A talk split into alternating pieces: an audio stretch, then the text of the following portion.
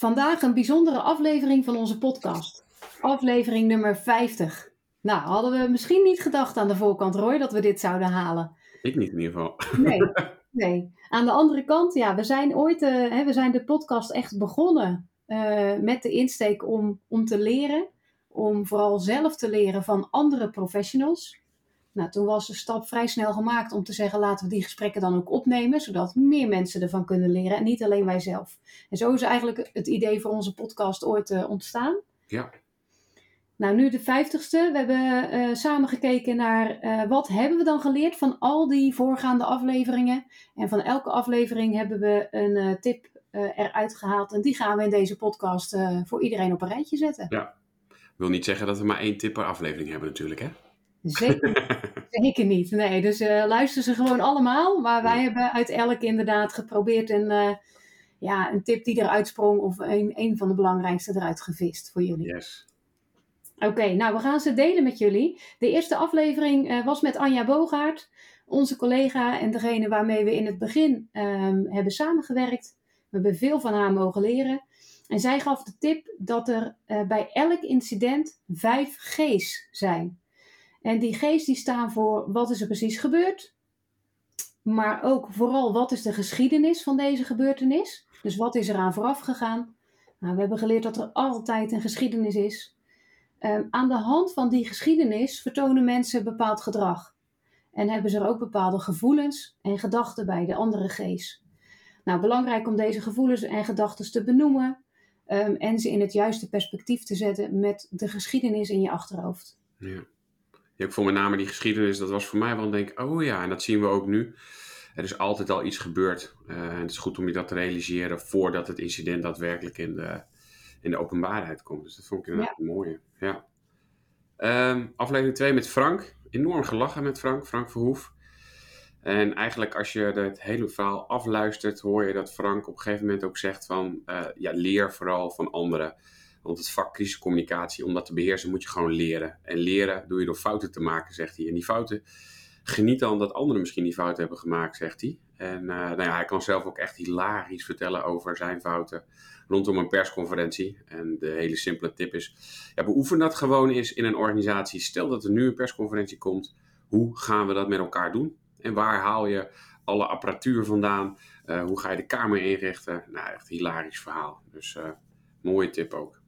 Ja, de woordvoerder op Gimpen was Frank. Oh ja. ja.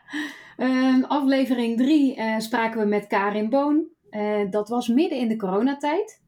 Uh, zij was toen heel erg actief als communicatieadviseur in de coronacommunicatie. En haar belangrijkste tip was om tijdens een crisis de mogelijkheden van ICT te benutten.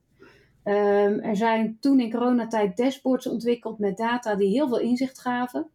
En net als tools om informatie um, die contacten met klanten opleveren bij te houden en te analyseren, um, zijn er ook nog heel veel andere tools te gebruiken. En ja, uh, anno nu hebben we het natuurlijk over AI. Um, en dat wordt steeds meer en meer toegepast binnen crisiscommunicatie. En daarvan gaan wij ook nog heel veel leren, omdat we daarin zeker nog niet alles weten. Ja, maar we zijn er al wel blij mee, want het, alleen het controleren al van teksten die je geschreven hebt, of voor het klein beetje op weghelpen van teksten, ik vind het echt fantastisch. Ja, of scenario's inderdaad. Ja, scenario's maken, klopt. Ja. Super. Aanraden, ga gewoon ook daar lekker mee oefenen. Uh, de vierde aflevering, ja, toch iemand waarvan je denkt van wauw, mogen we daar ook mee, uh, mee spreken? Kai van der Linderen. Uh, een beetje een goeroe uh, was die vroeger en is hij misschien nog steeds wel. Ehm, wat daar voor mij echt bleef hangen was dat hij zei van joh, ehm, de impact van een crisis of een issue, die blijft gewoon veel minder lang hangen. Omdat er veranderingen in het medialandschap en ook datgene waar de media mee bezig is, dat verandert bijna per uur. Um, hij zegt ja, de training topic van het ene uur is niet de training topic van het andere uur. Uh, dus als je dat nou gewoon heel rustig vertaalt naar, ook al sta je onder de aandacht van de media, weet het gaat weer voorbij. En soms gaat het misschien sneller dan je zelf had verwacht. Uh, dus dat vond ik eigenlijk wel een, ook een geruststelling eigenlijk, moet ik zeggen. Ja, ik wou net zeggen, geeft ook een beetje rust inderdaad. Uh, als je midden in een uh, shitstorm zit. En over shitstorm. ja, mooi bruggetje. Dan gaan we naar Koen. Ja. ja, we gaan naar Koen. Ja, aflevering 5. Niet dat Koen nu altijd in die shitstorm zit, maar toch nou. gezien het werk wat ja. hij doet. als, ook als communicatieadviseur. Ehm, Koen ehm, wordt vaak ingevlogen bij crisissituaties via de crisisexperts, waarbij wij ook zijn aangesloten, Roy. Yep. en hij geeft eigenlijk over die, die situatie, als je tijdelijk wordt ingevlogen, geeft hij eigenlijk een tip. Ehm, en hij zei: zorg dan dat je beschikt over een gezonde dosis nieuwsgierigheid en achterdocht. Hij zei: ga op zoek naar datgene wat iemand je niet vertelt in een organisatie. Uh, hebben we best even op doorgevraagd, want achterdocht heeft toch een beetje een negatieve lading. Mhm. Eh, maar hij bedoelde dat toen echt wel heel positief. Hè? Blijf doorvragen, blijf doorvragen. Um, zodat je uiteindelijk misschien als extern woordvoerder juist ook antwoord kunt geven op vragen van de pers. Maar misschien is het niet alleen, zit ik ook nu te denken, voor uh, je wordt ingevlogen, maar ik denk dat voor iedereen geldt. Klopt. Dus, ja. uh, en dat, dat is ook wel, en dan komen we denk ik later op terug uh, in aflevering 9, de luis in de pels. dat past hier ook wel bij. Ik vind ook dat we dat moeten doen als communicatieadviseurs. Vraag door. Want als wij het nu niet kunnen uitleggen aan de voorkant, dan kan je het zeker onder druk van media niet. ja. Ja, Aflevering 6 heeft ons uh, denk ik heel veel opgebracht um, als het gaat over trainen. Uh, want we mochten met Christiane in, in, gesprek, Christiane van den Broek. En Christiane gaf uh, meerdere dingen mee, maar één ding die wij nu standaard in onze training hebben verwerkt is ondertitel, ondertitel. Wat ze daarmee bedoelt is eigenlijk dat je soms gewoon eens uit moet leggen waarom je een vraag stelt aan een bestuurder bijvoorbeeld. Ik stel deze vraag, want de media gaat dat zo doen. Of ik stel je deze vraag omdat ik je graag wil adviseren over ja, het ondertitelen doen wij niet alleen in trainingen, maar ook als we zelf uh, weer uh, in de acute advisering zitten. Is prachtig en, en we, krijgen ook echt terug dat mensen dat heel fijn vinden om, om toe te passen. Dus ja, ik, ik raad iedereen aan om dat gewoon meer te doen en om eens te ervaren wat het betekent, ondertitelen. Ja, ik denk dat we na deze podcast het sindsdien in elke training Klopt. wel een keer zeggen. Ja. dus ja, we hebben daar echt van geleerd en we merken dat het helpt. Dus we danken Christiane nog een keertje bij deze. Zeker. In aflevering 7 uh, gingen we in gesprek met Esther Buitelaar van een uh, kinderopvangorganisatie. Ook heel leuk om eens iemand uit die branche te spreken. En um, ja, zij gaf een mooie tip die, um, die we vaker in afleveringen hebben gehoord. Dus een tip die door vele anderen ook wordt gedeeld. Um, de persoonlijke betrokkenheid is de basis voor goede crisiscommunicatie. En daarmee bedoelt ze dat, dat je echt elkaar en vooral de getroffenen ziet. En dat je er aandacht voor hebt en dat je die empathie toont naar anderen toe. En dat het niet gemaakt moet zijn, maar dat je er echt die betrokkenheid bij moet voelen. Ja, maar er zit ook gevaar in natuurlijk, hè? Ja, zeker. Ja, ik denk dat je bedoelt uh, dat het uh, te dichtbij komt. Ja, dat, klopt. Ja. ja. ja. Ja, ja, je moet jezelf daarin ook wel deels beschermen. Kijk, ben je echt, echt persoonlijk betrokken, in de letterlijke zin, dan geven wij natuurlijk altijd het advies, stap er dan uit. Want dan Ja. kun je eigenlijk je werk niet goed doen. Nee, klopt. Dus dat is ook iets om in het achterhoofd te hebben. Ja, Nou ja, aflevering 8 is eh, een met onze Belgische collega's, waar je altijd heel blij van wordt van de taal, eh, weet ik nog. En Robert eh, eh, Meulenmeester, die, die, die past wel bij datgene hoe wij ook in de wedstrijd zitten. En dat geldt natuurlijk voor de anderen ook enorm. Maar hij zegt eigenlijk van, begin gewoon met een hele brede analyse van de context. En neem ook altijd die omgevingsanalyse mee. Want de perceptie van de omgeving kan ook gewoon leidend zijn voor je communicatie. En wat, het, wat ik leuk vond daar in het gesprek, hij zegt niet communiceren kan ook een strategie zijn. Je hoeft niet altijd te communiceren. Dus soms wil je gewoon weten, wat is er echt gebeurd en wat denkt men dat er gebeurd is. Ja, dan, dan ga je daarop acteren. Maar als de samenleving of de omgeving er helemaal niet mee bezig is, waarom zou jij je als organisatie daar dan mee bezighouden? Dat vond ik wel echt een, eh, een leuke eye-opener. En uh, was een fijn gesprek ook uh, met Robert. ja zeker. Ja. Nou, aflevering 9 was met eh, Frank Vergeer en Nico de Leeuw. Dat was een podcast waarbij wij zelf bijna niet aan het woord zijn geweest. Volledig overdonderd. We Ja. kwamen er bijna niet tussen bij, eh, bij die mannen. Gewoon vanuit de passie en vanuit ja, vak, vakinhoud, vakidioten zijn het, hebben dat gesprek gevoerd. Ehm, en zij gaven echt wel mee dat je als communicatieadviseur de organisatie een spiegel voorhoudt. En dat je als communicatieadviseur niet bezig bent met het beeld van de organisatie, dus met het zorgen voor een goede reputatie, maar dat je juist de organisatie die spiegel voorhoudt. Eh, wees de hofnar, wees de luis in de pels als communicatieadviseur. Ja. Je zei het net ook al even, Roy. Mhm. Ja, de tiende aflevering was met Chantal Westerhof. En eh, we hebben bewust haar ook wel uitgenodigd, eh, los van het feit dat ze mediavrouw van het jaar van Overijssel een keer was. Maar ook omdat een van de doelen die wij, waar wij heel erg sterk op zitten, is natuurlijk mensen willen helpen. Ehm, en de vraag is even op welke manier soms bij een incident of bij een crisis. En opsporingscommunicatie, uh, daar gaan we het vooral over, daar hebben we het vooral over in die podcastaflevering. En dan zie je enorm dat uh, nou ja, sociale media bij de opsporingscommunicatie een belangrijk uh, middel zijn geworden om de juiste mensen te bereiken die kunnen helpen. Ja, wij geloven beide erin dat, eh, dat elk incident of crisis dat er wel mensen willen helpen. Ja. Nou ja. en dat, dat, dat ligt zij heel erg mooi toe met heel veel voorbeelden. Ja, always look for the helpers. En dat is iets wat ook nu actueel is en wat we ja. proberen altijd te onthouden, inderdaad. Ja. Aflevering 11 was met uh, Wouter, Wouter Jong. Um, en met Wouter hebben we ook wel ingezoomd op, ja, als er nu iets is gebeurd, realiseer dan dat er altijd lessen zijn die ook elders al zijn geleerd. Ja. Betekent niet dat je zomaar kunt knippen plakken. Hè, dat kan eigenlijk nooit. Dat heeft ook weer te maken met de G, de geschiedenis, omdat de geschiedenis eigenlijk altijd anders is.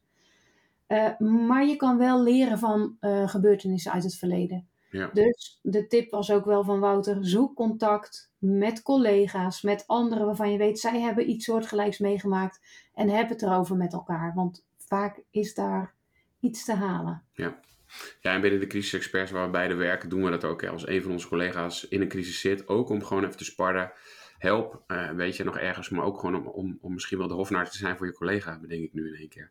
Ja, nou, dat, dat is inderdaad wat we doen. Ja, zeker. Uh, Tom, ja, Tom net opgeleid als uh, kopieadviseur, weet ik nog. Tom Siebers. Ja. Uh, en hij, hij is heel kort en, en krachtig wel, vind ik, in zijn tip. Ehm, zorg gewoon uh, voor een goede afbakening waarover je mag communiceren.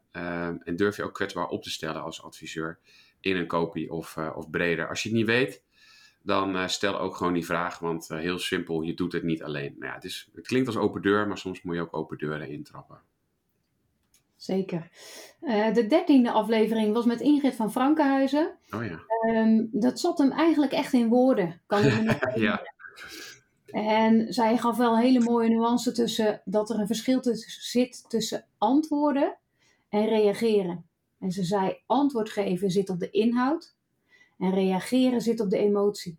Dus ook zij zegt eigenlijk: laat zien wat een vraag, een bewering of een situatie met je doet. En reageren eerst voordat je antwoord geeft. Ja, dus eerst emotie en dan de inhoud. Yes. Mooi. Lodewijk van Noord, ja, ik, met het voorbereiden van deze feitensaflevering schaam ik me een beetje. Want we hebben een afspraak gemaakt met Lodewijk en die hebben we volgens mij nog niet echt nagekomen.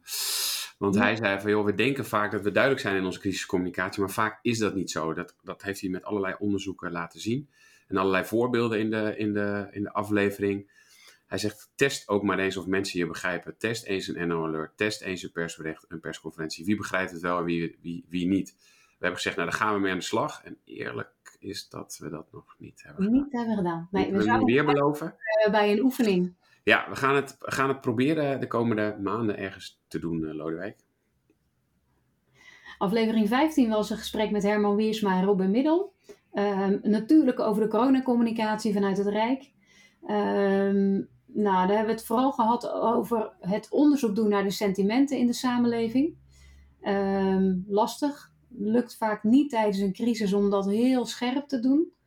Um, toch is het natuurlijk wenselijk om ook in een crisis te meten wat de maatregel betekent in de samenleving. Uh, maar ja, we hebben ook ervaren in coronatijd, sommige maatregelen zijn gewoon niet uit te leggen. Ja. Uh, en geef dat dan terug uh, en, en geef ook de onmogelijkheden van communicatie aan daarin. Maar dan kom je ook op de doorvragen waar we het eerder net over hadden. Vraag door, vraag door. Als je toch aan tafel zit als adviseur, vraag door. Want als je het voor de tijd niet kan uitleggen, dan wordt het tijdens helemaal ingewikkeld.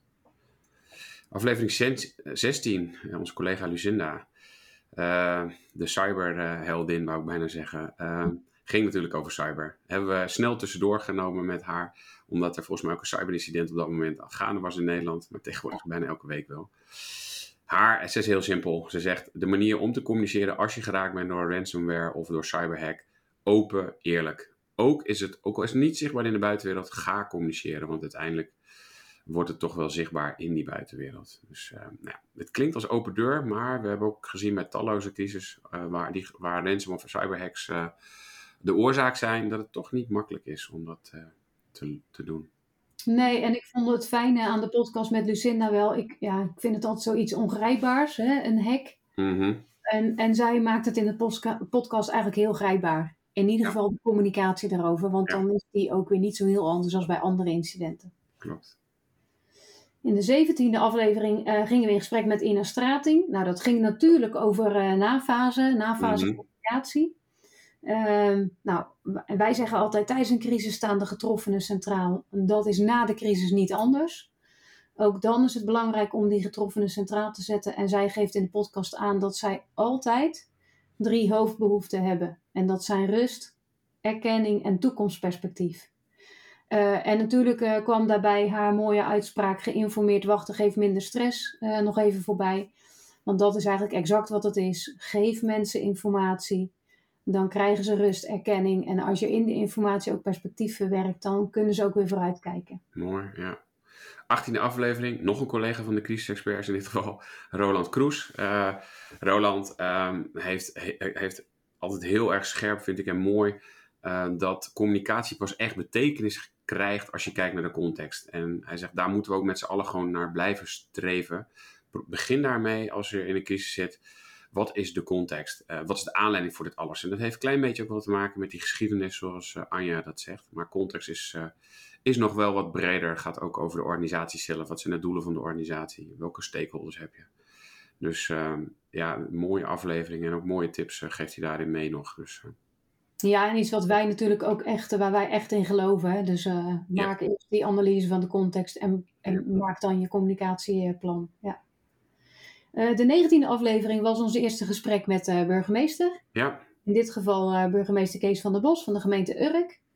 Ehm, ja, een mooi gesprek. Ook eh, natuurlijk over de coronacommunicatie. Waar- jij hebt toen ook op Urk nog ondersteund, Roy, als communicatieadviseur. Yep.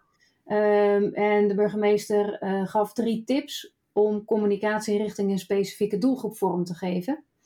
En hij zei: zorg dat je de juiste feiten hebt. En blijf ook bij de feiten. Zorg dat je de juiste toon aanslaat. En zorg dat je de juiste boodschap hebt. Nou, en dit rijtje is ook redelijk eh, misschien een open deur. mhm, Maar eh, werk het maar uit op deze manier. En dan zul je zien dat het, eh, dat het helpt. ja, Ehm, ja, en hij zei nog wel een hele mooie. Hè, van, ja, juist. ja, van denk ook na over wie vervolgens het woord voert. En hij zei als burgemeester, dat hoeft niet automatisch de burgemeester te zijn. Het kan ook de driehoek zijn, het kan ook een groep nabestaanden zijn. Per situatie moet je kijken wat de rol van de burgemeester is. Ja. Ja, en dat is iets waar wij ook heel erg in geloven. Ehm, wat soms best nog lastig is, omdat we bijna als automatisme toch de burgemeester naar voren schuiven. Ja. Maar het hoeft gewoon niet altijd. Zeker niet. Aflevering 20, ook weer veel geleerd. Ehm, ja, als je dan één ding uit moet halen in het gesprek met Renata Verloop, is natuurlijk dat zij het heeft over breng focus aan als communicatieteam. Wat doe je wel en wat doe je niet? Je hoeft niet altijd aan die bestuurstafel te zitten in dat overleg. Alleen wanneer je waarde toevoegt. En nou, zij, hebben daar, eh, of zij heeft daar een prachtig boekje van geschreven, die volgens mij in Communicatie in Nederland, zeker bij gemeenten weten we, enorm onder de aandacht eh, staat. En ze doet het met aandachtsgebieden. Wat is je vaste tijd? Wat is actualiteit? Wat is prioriteit? En in het gesprek hebben wij het gehad over eigen tijd, maar in het boekje heet dat eh, iets anders. En dat laatste is natuurlijk niet de bedoeling in je eigen tijd de slag gaan, aan de slag gaan. Maar we zien soms in crisis eh, ja, dat mensen toch eh, ja, ook wel over hun eigen uren heen gaan. eh, en nou ja, daar zit dan ook de tip: zorg ook een beetje voor jezelf.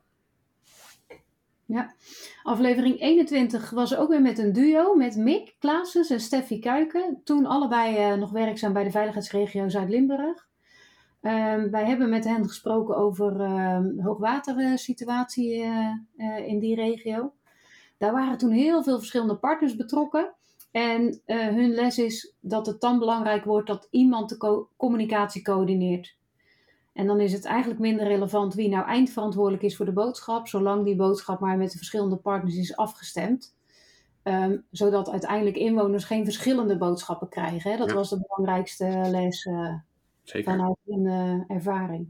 Nee, en hebben we later ook nog een, een, een hoofdstuk geschreven in een boek inderdaad, waar we zeggen, ja, ga, kies nou voor een integraal crisiscommunicatieteam, want de inwoners boeit het niet eh, eh, wie nu verantwoordelijk is, maar die willen gewoon één gezamenlijke boodschap van al die partners. Dus mooie Ja. oproep. De 22e, die ga ik heel kort houden, want dat vind ik is heel mooi. Merlijn Stoffels uh, zegt eigenlijk, heb aandacht voor elkaar. Let op je mensen in je team, want dat is je kapitaal. Dus heb aandacht voor elkaar. Nou, punt. Ja. Aflevering 23 was met Kim de Jeu en Sky van Rooswilligen. Dat ging natuurlijk over uh, omgevingsanalyse. Uh, zij gaven aan dat het als analist ook belangrijk is een netwerkanalyse van de omgeving te maken. En wat ze daarmee bedoelen is, denk dan eens aan het contact met een omgevingsmanager van de gemeente bijvoorbeeld. Kijk verder dan de digitale online wereld. Uh, we hebben het toen ook nog uitgebreid gehad over de rol van een hoofd van een communicatieteam. En als je als hoofd dan de analist, omgevingsanalist aanstuurt. En zij zeiden toen ook, zorg dan voor een heldere intake. Hè, waar moet een analist op letten? Voor wie wordt de analyse gemaakt? Waar moet de analist specifiek zoeken? Nou, dat was ook een mooi leerpunt dat we die intake eigenlijk heel vaak overslaan. En meer denken, die analist gaat wel aan de slag. Klopt. Nee, die intake is gewoon heel hard nodig. Ja, en ook hier hebben we onze trainingen wat scherper aangepast. Dus uh, dank ja. mensen Sky. Uh, dan Rob Stenakkers, uh, collegaatje met wie ik veel bij de KNVB mag trainen. Hij is eigenlijk ook een hele simpele, maar hij heeft ook hilarische voorbeelden in zijn aflevering, weet ik nog. Uh, maar blijf gewoon heel simpel bij je eigen kerntaak en daar kan je procesinformatie geven. Um, en dan maak je ook geen fouten. Dus dat vind ik wel een mooie. Blijf gewoon bij je eigen proces. Geef de informatie over, dan maak je geen fouten. Punt. Ja, zo simpel kan het soms zijn. Ja, daarom. nou, aflevering 25 was met uh, mijn uh, oud-collega Corrie Brandt. Uh, over uh, het Zeeuwse platform Zeeland Veilig. Nou, ik, ik, steek niet onder stoel of banken dat ik daar altijd heel enthousiast over ben. Echt? Nooit gehoord. Uh, maar het werkt gewoon. En wat zij hebben gedaan is dat zij echt één platform hebben in Zeeland waar inwoners terecht kunnen als het gaat om risico's en crisis. Mooi is dat zij daarin echt met alle partners samenwerken. Dus niet alleen met de voor de hand liggende brandweerpolitie, maar ook met bijvoorbeeld een Zeeland Seaports. Um, nou, en het platform is echt voor Zeeuwen de plek om te kijken als er iets aan de hand is. Ze hebben er sinds een tijdje ook de app aangekoppeld. Die kun je instellen. En als er dan wat in jouw uh, gemeente of jouw omgeving speelt, dan krijg je automatisch een pushmelding. Um, nou, dan weet je gelijk waar je de informatie kan vinden. En ben je ook niet meer afhankelijk van X, het ja. voormalige Twitter. Yep. 26e aflevering. Koen de Lange. Uh, ook heel simpel eigenlijk. Sluit een beetje aan bij wat Rob uh, zei. Blijf rolvast. En eigenlijk is dat niet zo moeilijk, zegt hij. Dus bepaal gewoon met elkaar wie doet wat. Uh, en blijf gewoon bij je eigen proces. Hij zegt eigenlijk hetzelfde. Een energieleverancier verstelt over de stroomstoring. En ook gevolgen daarvan kan de woordvoerder van een kopie informatie geven. Maar toch heeft hij, geeft hij echt wel talloze voorbeelden waarbij het niet zo is. Dus blijf rolvast is Aflevering 27 zag ik een beetje tegenop. Want uh, het was uh, met uh, Jan Bluisen. Ja. En hij is natuurlijk manager betaald voetbal. En nou, jij bent ook voetbalfan, Roy. Dus mm -hmm. ik denk, oh jee, en ik weet niet zo heel veel van voetbal. Maar de, ik vond het een verrassend leuke podcast. ten meer omdat Jan ook heel geanimeerd kan, kan praten natuurlijk. Maar hij gaf ook waanzinnig mooie tips. En een van zijn tips was, hij noemde dat situationeel communiceren zorg dat je met iedereen kan praten. Uh, en hij zei dat kan alleen als je iedereen met respect behandelt. En dan kan het enige uh, wat dan anders kan zijn, is de vorm waarin je dat doet. Maar het is altijd met respect. Nou, en dat vond ik gewoon een hele mooie les. Eens. Uh, aflevering 28 met Marleen Hanenberg en Mark Dijkhuis. Groningse toppers hebben wij ze genoemd, weet ik nog. Het is heel simpel. Luisteren. Waar hebben je inwoners behoefte aan op een bepaald moment? En soms kan je dat, en want ik weet nog dat er toen volgens mij ook net de oorlog begon in Oekraïne en dat, daar, dat ik over de kerncentrale ging. Uh, en dan kan je het leuk vinden of niet als overheid, maar mensen gaan vervolgens onmiddellijk op zoek, zo bleek ook, naar um, wat betekent dat voor mij en voor de risico's die er dan zijn bij, uh, bij een kerncentrale. Ja, en dan moet je er zijn. Heel simpel. Dus het, ja, het is eigenlijk uh, een simpele tip. Um, en wat ik wel heel, heel ja, fijn vind, is dat ze zeggen, ja, wees ook even realistisch met z'n allen. Je bereikt nooit iedereen. Dus dat vind ik ook een hele mooie. Dus stiekem twee ja. tips ook. Aflevering 29 was met Jelle Tieleman. Hmm. Uh, ook met Jelle hebben we het even over het onderwerp persconferentie gehad. Uh, centraal in de podcast stonden de gebeurtenissen toen bij de tramaanslag in Utrecht. Ja, ja. hij nam ons echt wel mee in zijn oh. eerste uren daar. Zeker. Dus, was heftig. Ehm, nou, hij gaf nog even aan van als je dan als journalist hoort dat er een persconferentie komt, dan uh, verwacht je nieuws in zo'n persconferentie. Ja, dan moet het er ook wel zijn. Dus hij gaf vooral mee, denk goed na of je wel of geen persconferentie geeft en wanneer je dat dan doet. Ja. Aflevering 30 met uh, ja, studenten, Wahine en Maartje. Inmiddels volgens mij is Wahine geen student meer, maar Maartje volgens mij nog wel. Um, ja, wat leuk is, is dat er natuurlijk sommige dingen bij crisis gewoon vaker terugkomen. Hè? Wanneer krijgt de ene een alert en de ander niet? Waarom kan de politie niet alles vertellen? Wat is de impact van fake news? En ze zeiden van ja, dat kan je gewoon natuurlijk allemaal voorbereiden. En dat is natuurlijk heel logisch. Bereid eigenlijk terugkerende zaken via Instagram en via YouTube gewoon voor. In video's of in hand van infographics of een uh, NOS uitgezocht. Ik dacht, ja, chips. Daar kunnen we echt nog wel wat meer, uh, meer op winnen met elkaar. Ja, het was leuk om een beetje uh, vanuit hen dit te horen. Hè? Een beetje oude mm -hmm. Ja. In aflevering 31 gingen we ook met de Zeeuwse collega's in gesprek. Mirja Vis en Arnoud Knecht. Naar aanleiding van de windhoos die toen oh, ja. op Zierikzee was getrokken. Zij waren toen beide actief als communicatieadviseur. Um, en uh, zij vertelde dat er tijdens dat incident ook nepnieuws uh, rondging. En dat ja. was echt wel heftig nieuws dat er uh, mensen en met specifiek kinderen zouden zijn overleden. Um, en zij gaven aan van ja, het duurt echt wel even voordat je dat hebt gecheckt of het wel of niet klopt. Um, ja, je moet het gewoon uitzoeken en dat kan gewoon even duren. Dat is ook het enige wat je kan doen. In dit geval was het nepnieuws heel specifiek. Dus er werd heel specifiek aangegeven dat er inderdaad kinderen waren overleden. Um, waardoor het ook wel maakte dat heel veel mensen uh, het nieuws niet gek vonden en geloofden, omdat het zo specifiek was. Uiteindelijk hebben ze dat uh, gecheckt en rechtgezet, want het was gelukkig niet het geval. Ja, en dan uh, Job Heijnen. We hebben Job twee keer gesproken. Eén keer alleen en één keer in duo. Dit was de eerste aflevering. Uh, ja, hij werkt bij de USAR en had het over embedded journalism. Uh, de USAR heeft uh, een paar keer inmiddels nu ook journalisten laten meekijken bij een incident. En hij zegt dat dat helpt enorm in de bredere beeldvorming. Um, en wat ik, wat ik wel heftig vond uh, te constateren is dat Job ook gewoon enorm fit moet zijn. Zowel geestelijk als lichamelijk omdat zeker bij de USAR inzet, dus de Urban Search and Rescue, die we volgens mij inmiddels allemaal kennen, dat je niet altijd weet wanneer is het einde. En nou ja, helpt dan, uh, dan helpt gewoon een buddy, dus uh, een maatje of gewoon echt een psycholoog. En ook hier weer, net zoals misschien dat verhaal bij Kai van der Linden, um, er is altijd wel een einde. Dus dat is goed om je te realiseren. Maar soms is het heel heftig dat je niet weet of het na acht dagen is of na dertien dagen. Ja, ja, we konden toen niet uh, uh, bevroeden dat we Job nog een keer zouden spreken. Nee.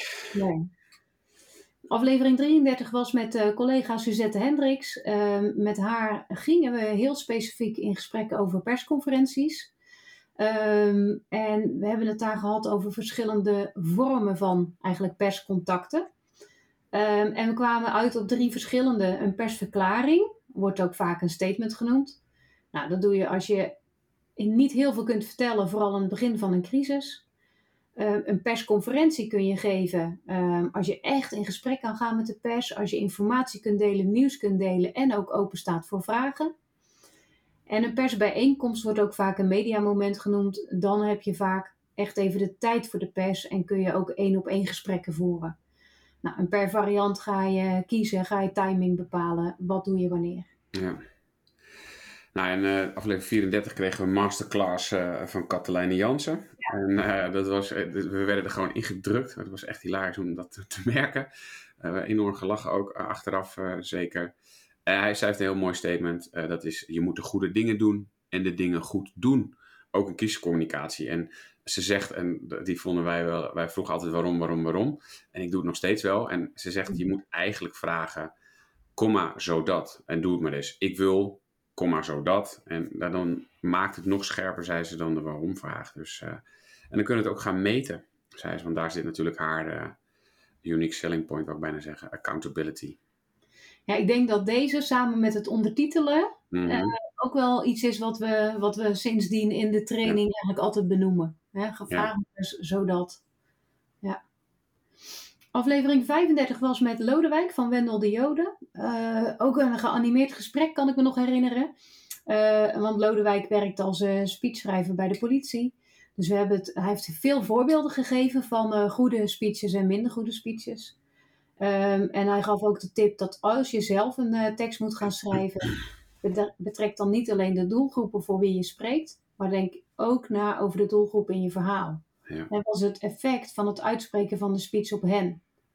Ja, en hij gaf nog uh, ook wel open deur, maar voorbereiden, voorbereiden, voorbereiden, zei hij. Hè? Dat is de enige manier om uiteindelijk die speech te schrijven. Ja, nog een collega van de crisisexperts. Het is wel een beetje uh, bijzonder dit, uh, realiseer ik me nu. Dat zo. Maar goed, dat is Lars, Lars Walder. ja. En dat wisten we toen nog niet, hè, dat we bij de crisisexperts gingen. Dus dat maakt nee. even niet uit. Ehm, de wijze van communiceren doet iets met mensen, zei Lars. Daar ben je niet altijd van bewust. En hij werkt onder meer ook voor namens de familie. Een initiatief van uh, de oom van uh, Anne Faber. Uh, en hij zegt, realiseer je wat het positieve of negatieve effect kan zijn op, op bijvoorbeeld nabestaanden. Soms kan een, een portret in de krant van de slachtoffer heel fijn zijn voor nabestaanden. Maar voor anderen weer niet. Dus hij zegt, het is ook, eigenlijk klinkt het als open deur, maar het gebeurt toch te weinig. We moeten echt met elkaar in gesprek over wat je wel en niet kan communiceren. Aflevering 37 was weer een uh, gesprek met een van onze Belgische collega's, Yves Stevens. Mm -hmm.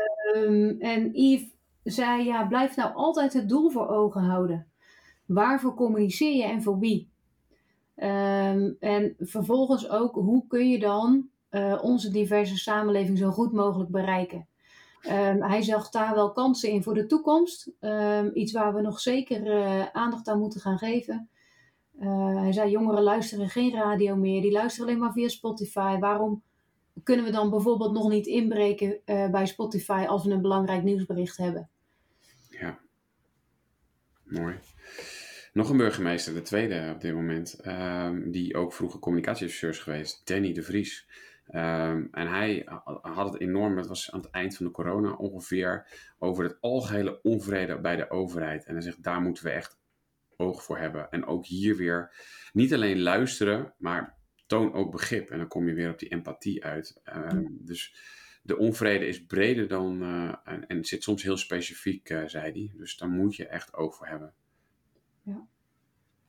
Nou, aflevering 39 was een gesprek met Lisa Lussink.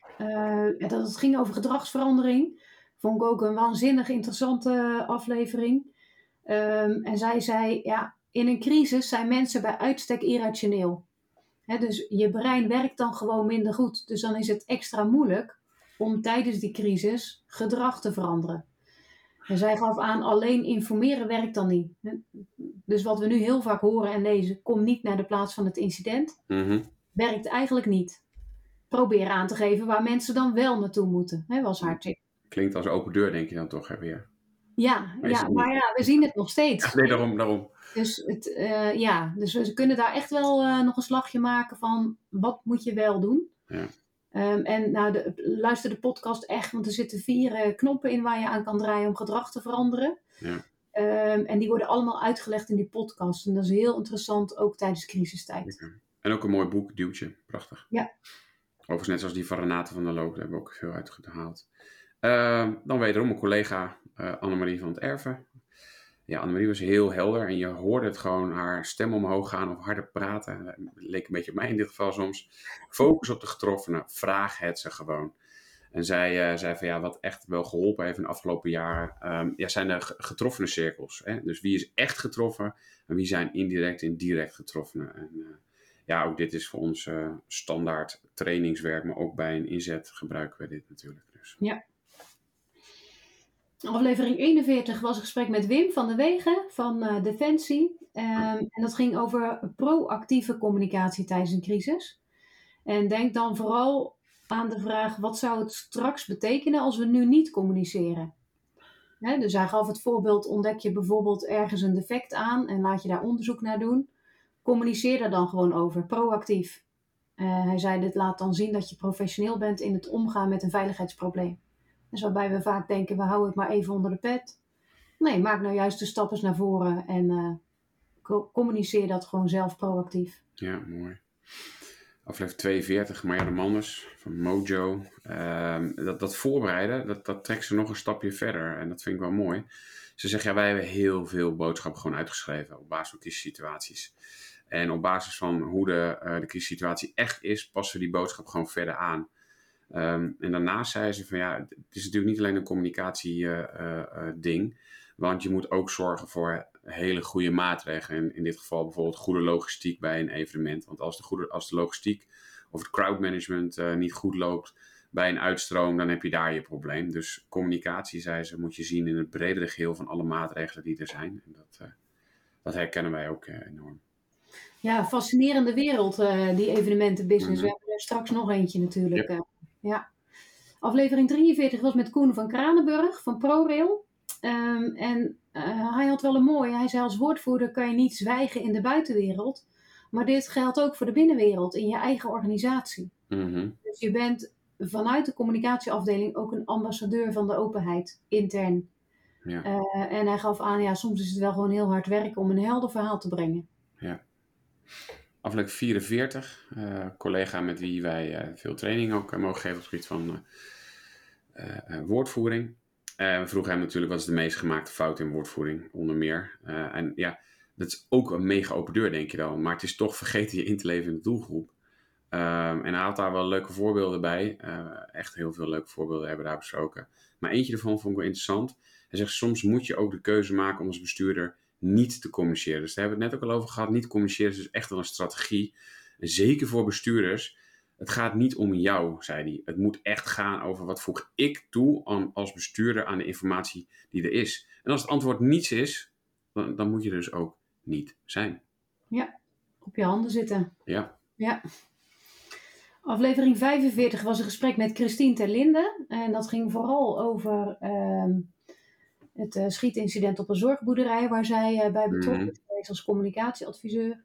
En daar waren toen eigenlijk meerdere incidenten uh, geweest. Um, en ze zei, dan is het heel belangrijk om strak te hebben wat is nou wanneer gebeurd en voor welk incident sta aan de lat.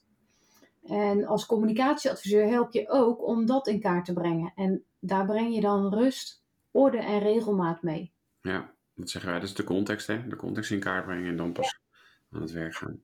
Ja. Aflevering 46, hele bijzondere ook. Wederom met een burgemeester, in dit geval met een communicatieadviseur, Charlie Abtroot en Anne Karsbergen. Over het heftige vrachtwagendrama in Nieuw-Bijenland. Uh, wat mooi is, is dat ook daar natuurlijk de nabestaanden enorm centraal stonden. En de burgemeester deed iets wat nog nooit gedaan was. Hij sprak namelijk niet over zes, maar over zeven doden. Uh, omdat hij ook het ongeboren kindje van een hoogzwangere vrouw, die helaas ook bij het, uh, het drama om het leven is gekomen, uh, die was voor hem het, uh, het zevende slachtoffer. Um, daar stond niet iedereen achter, maar het belangrijkste voor hem was, als de nabestaanden dit ook waarderen en fijn vinden, dan gebruik ik dat. Want zo voelt het voor mij dat we niet zes, maar zeven mensen hebben verloren na dit, dit vrachtwagendrama. Bijzonder gesprek. Ja, indrukwekkend. Ja. Nou, ook indrukwekkend was uh, aflevering 47 met Job Heijnen en Jorg van Waardhuizen. Uh, nou, Job hadden we eerder gesproken, beide werkzaam bij de UZAR en uh, um, terug uit Turkije. Dus dat was de aanleiding voor deze podcast. Ja, um, ja zij kregen natuurlijk een enorme stroom aan informatie en behoefte aan informatie te verwerken. Ja, het was gewoon niet mogelijk om iedereen daarin afzonderlijk te voorzien in die behoeften. Uh, wat ze onder andere toen hebben gedaan is een eigen video vanaf de locatie opnemen om uh, de media uh, beelden te laten zien. Ja. vanaf, het, vanaf het rampterrein. Ja. En we zagen ook Job, Job zichtbaar aftakelen per in, dag. Ja, in Muziek dat... gesteldheid ja. werd ook steeds heftiger voor Job. ja. aflevering 48, Melika Schopen, of Schopen, ik weet het nog steeds, hoe het goed uit Ik denk Schopen, dat is Limburgs vind ik. Um, ja, zij heeft ons enorm meegenomen en, en op een hele mooie manier dat de twee zorglocaties in een hospice van Severgam, waar ze werkt als communicatiemanager, als ze geëvacueerd worden tijdens het hoogwater in, uh, in Limburg, dat is een hele simpele oplossing, uh, namelijk verschaf informatie per locatie.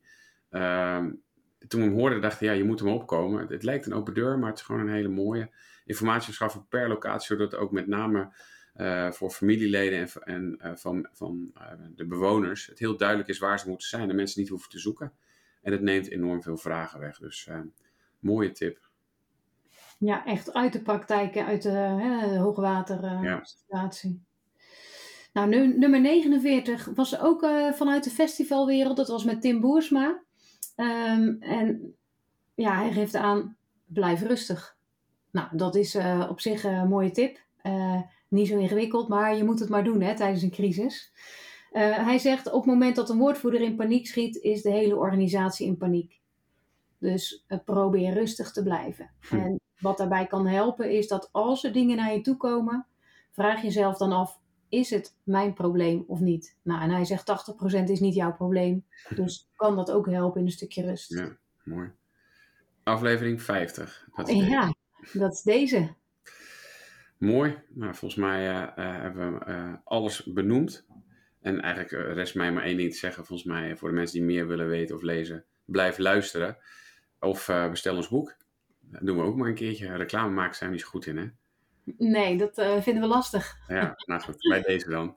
Ja. Er zijn nog boeken. Die signeren we ook als het nodig is. als mensen het leuk vinden. Dus. Zeker. Ja, en misschien ook wel voor de komende. Kijk, we willen proberen het blij, te blijven doen. Um, uh, de podcast maken. Um, nou, misschien zijn er ook uh, verzoekjes of vragen. Of uh, voel je vrij om dat ook aan ons te laten weten. of weet je iemand waarvan je zegt, daar moet je een keer mee in gesprek gaan. daar staan we zeker voor open. Yes. Bedankt voor het luisteren. Wil je meer horen van onze zoektocht naar wat crisiscommunicatie zo bijzonder maakt? Vergeet je dan niet te abonneren op onze podcast. Tot een volgende keer. En delen, dat mag uiteraard.